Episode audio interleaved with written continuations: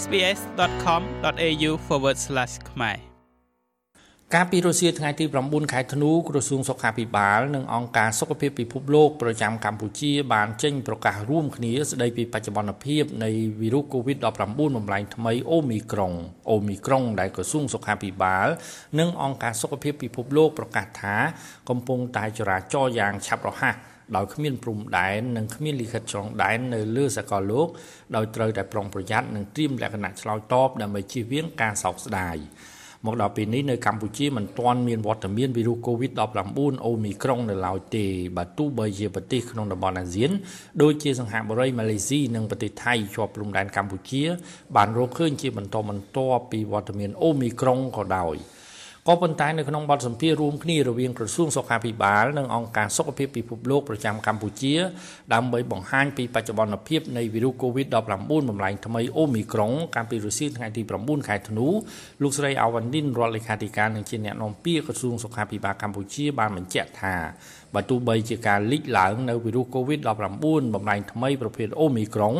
ដែលចាត់ទុកថាជាវីរុសមួយបង្កក្តីព្រួយបារម្ភដែលនាំឲ្យកើតមានរលកនៃការឆ្លងរាលដាលជាថ្មីក៏ប៉ុន្តែការទទួលវ៉ាក់សាំងបានពេញលេញនិងវិធានការសុខាភិបាលដែលកម្ពុជាកំពុងអនុវត្តបច្ចុប្បន្ននៅតែមានប្រសិទ្ធភាពសម្រាប់ការការពារភាពធ្ងន់ធ្ងរពីការវាយលុករបស់វីរុសដ៏កាចសាហាវនេះអញ្ចឹងវាអត់មានអីដែលប្លែកទេមកដល់ពេលនេះចាវិធានការគឺមានវិធានការដែលយើងកំពុងតែអនុវត្តបច្ចុប្បន្នគឺជាវិធានការ ដែលមានប្រសិទ្ធភាពល្អហើយអញ្ចឹងប៉ុន្តែអ្វីដែលសំខាន់គឺការសង្កេតរបស់យើងឃើញថាបងប្អូនជាពលរដ្ឋមួយចំនួនគាត់ហាក់ដូចជាផ្លិចផ្លិចខ្លួនណាបើយើងនិយាយថាផ្លិចខ្លួននៅក្នុងការអនុវត្តនៅវិធានការការពារនេះជាបន្តបន្តទៀតអញ្ចឹងអ្វីដែលអ្នកជំនាញការលើកឡើងគឺចំណុចទី1ចាគឺចាំបាច់ណាស់នៅតាមបណ្ដាប្រទេសនីមួយៗត្រូវតែជំរុញបន្តទៀតនៅការចាក់វ៉ាក់សាំង COVID-19 ពីព្រោះវ៉ាក់សាំង COVID-19 ទោះបីជា វាបំផ្លែងខ្លួននេះទៅបែបណាក៏ដោយ តែយើងកុំភ្លេចណាអាសរីរាង្គវានេះវានៅតែជា COVID-19 ទេចាទោះបីវាបំផ្លែងទៅជា Alpha Beta ឥឡូវរហូតដល់ Omicron ក៏ដោយក៏ប៉ុន្តែវានៅធាតុរបស់វាវានៅតែជា COVID-19 អញ្ចឹងវ៉ាក់សាំងដែលយើងកំពុងតែប្រើប្រាស់បច្ចុប្បន្ននេះ គឺវានៅមានប្រសិទ្ធភាព ចាសម្រាប់ការពារអឺភាពធ្ងន់ធ្ងរពីការវាយលុកនៃវីរុស COVID-19 គ្រប់គ្រប់វ៉ារយ៉ង់គ្រប់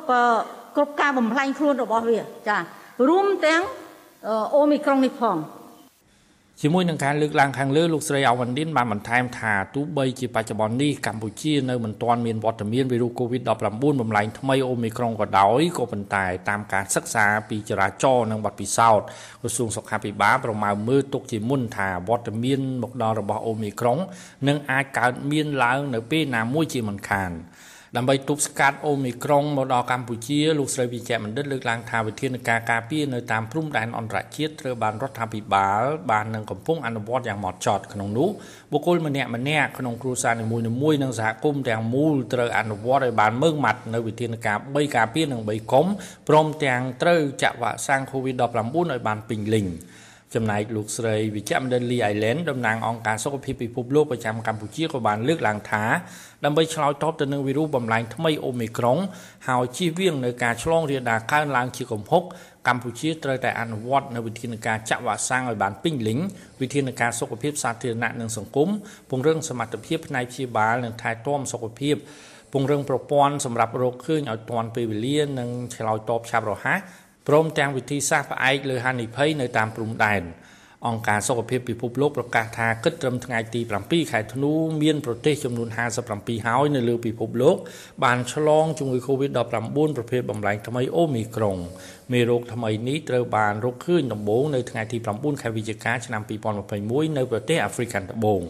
មកដល់ថ្ងៃទី9ខែធ្នូនៅព្រំដែនជាប់កម្ពុជារួមមានវៀតណាមមានអ្នកឆ្លង COVID-19 ថ្មីជាង15000នាក់ខណៈដែលនៅប្រទេសថៃមានជាង4200នាក់និងនៅប្រទេសឡាវមានជាង1200នាក់ក្នុងមួយថ្ងៃចំណែកនៅកម្ពុជា មានអ្នកឆ្លងថ្មីកាលពីថ្ងៃទី9ខែធ្នូត្រឹមតែ12នាក់ប៉ុណ្ណោះនិងស្លាប់ដោយសារ COVID-19 ចំនួន3នាក់ខ្ញុំម៉េងផល្លា SBS ខ្មែររាយការណ៍ពីរាជធានីភ្នំពេញ។